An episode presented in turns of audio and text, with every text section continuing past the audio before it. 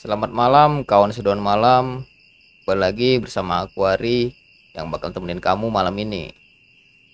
Bicara soal kantor yang berhantu dan banyak menyimpan hal mistis Mungkin dari salah satu kalian pernah juga merasakan apa yang dirasakan oleh Kita sebut saja namanya Bagas. Cerita kali ini yang dikirimkan oleh Bagas Bercerita tentang hal mistis yang pernah dialaminya di kantor. Bagaimana cerita lengkapnya? Stay tune.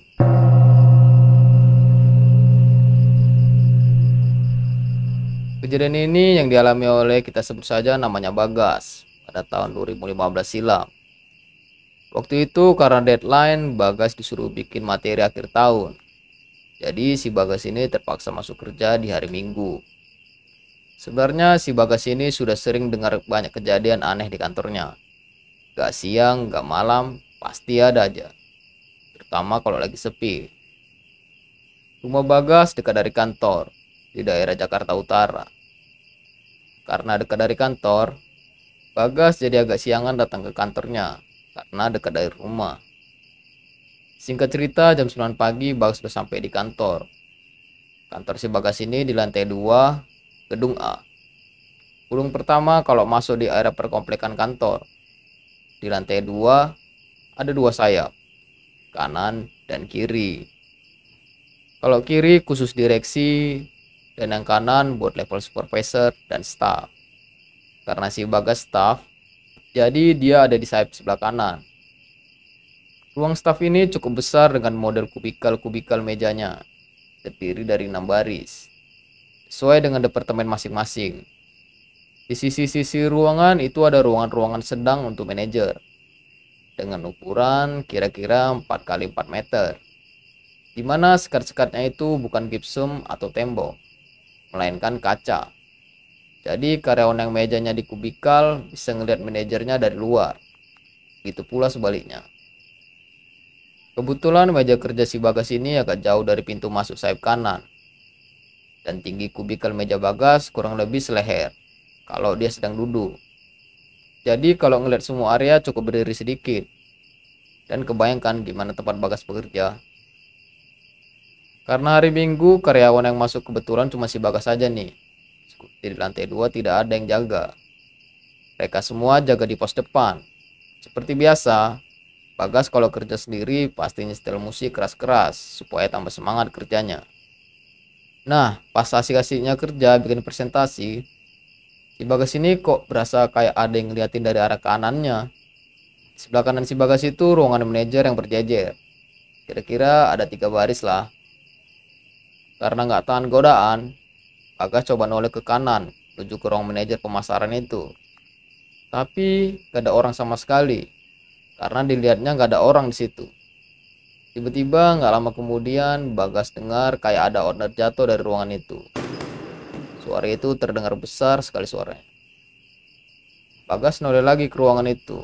Eh bener, ada satu order yang jatuh dari atas piring kabinet. Dalam hatinya, wah bener nih. Dan Bagas pun balikin fokus lagi ke laptop. Setelah kejadian itu agak lama nih nggak ada gangguan. Kirain gangguan tadi benar-benar sudah hilang. Ternyata Firsa tadi salah. Bagas tiba-tiba dengar ada anak kecil cekikikan. Suaranya halus sekali, sambil ketawa geli gitu. Arahnya pun dari ruangan manajer yang tadi. Bagas pun gundah noleh apa enggak ya ke ruangan itu? Noleh enggak. Noleh enggak. Ah noleh aja lah dalam hatinya. Nah di ruangan manajer itu mejanya kan agak gede ya. Bangkunya juga gede ya seperti bangku-bangku bos gitulah nah dari sisi meja bagian dalam kelebat bagas ngeliat ada kepala anak kecil kayak orang main ciluk begitu tonggol dikit sampai batas mata Terus langsung ngumpet lagi ke bawah kolong meja dan sambil cekikikan lagi. Bagas ini paling takut sama setan modelnya anak kecil sama nenek-nenek. Dia fokus lagi ke laptop dan tambah gedein suara musik. Saat itu Bagas nggak bisa kabur. Karena satu-satunya jalan pintu keluar yang mau nggak mau harus lewati ruangan manajer itu. Pas dia udah mulai agak tenang, Eh, suara cekikikan tua anak kecil pindah tempat. Padahal pintu ruang manajer itu semua pada posisi tertutup. Sekarang terdengar suaranya ada di area kubikel dua baris di depan si Bagas. Bingung parah Bagas pada saat itu. Kalian pernah nggak ngerasain takut tapi nggak bisa ngelakuin apa-apa karena takut? Gerakin tangan atau kaki dikit aja, rasa takut. Nah, itulah yang dialami Bagas waktu itu. Karena suara itu di area depan, dia nggak usah ngerubah posisi kepala aja udah pasti kelihatan. Dan si Bagas sendiri dikit aja ke arah depan karena penasaran campur takut, Bagas coba ngeliriklah ke arah kubikel depan. Tepat kagetnya dia melihat anak kecil itu bermain ciluk lagi. Sekarang lebih jelas kelihatan mukanya. Anak kecil laki-laki usianya kurang lebih 4 atau 5 tahun gitu. Rambutnya lurus sampai alis mata, mukanya pucat, tapi bola matanya nggak ada putihnya, hitam semua. Gak pakai lama, Bagas pun langsung lari ngibrit ke arah pintu keluar. Nah, pas lari itu, dia mendengar suara anak kecil itu makin cekikikan ketawanya. Dan semakin kencang pula. Sama ada suara kayak lompat-lompat di atas meja. Pindah dari meja yang satu ke meja yang lain. Tapi suara itu kayak ngejar si Bagas gitu. Dia ada sangat panik, tambah deg-degan juga. Pas sudah sampai pintu keluar, Bagas lupa kalau pintu itu baru bisa dibuka menggunakan kartu akses door. Yang sialnya, itu kartu ketinggalan di mejanya. Wah, situ Bagas bingung campur tegang nih. Mau balik lagi, apa enggak ke meja kerjanya? Tapi intuisinya bilang, bodo amat lah. Segera balik ke meja aja. Percuma dobra pintu, gak bakal bisa. Soalnya terbuat dari kaca yang tebal sekali.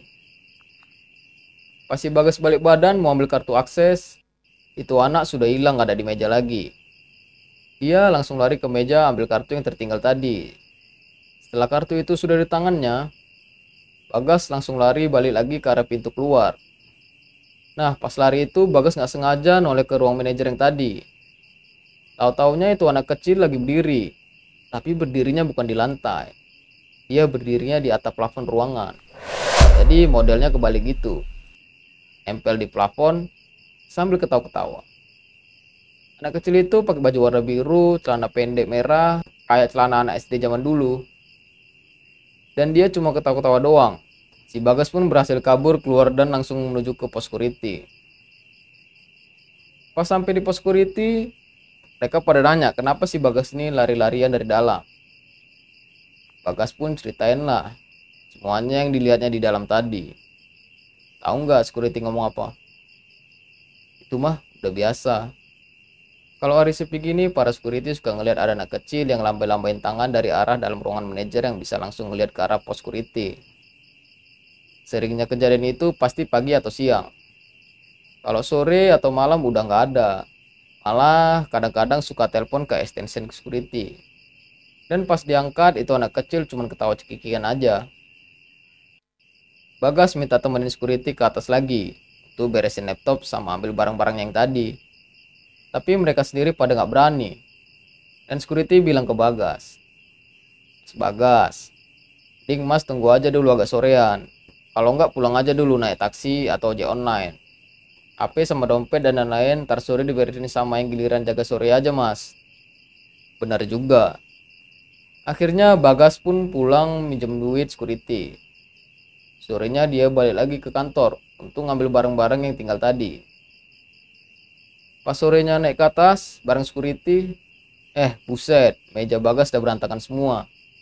Kayak habis digeratakin orang gitu. Tapi semua barang-barang bagas masih ada di sana dan nggak dipindah-pindahin juga. Setelah kejadian itu, Bagas kapok masuk sendirian lagi kalau hari libur. Dan sampai saat ini kabarnya belum ada yang tahu soal anak kecil yang ada di ruang manajer itu.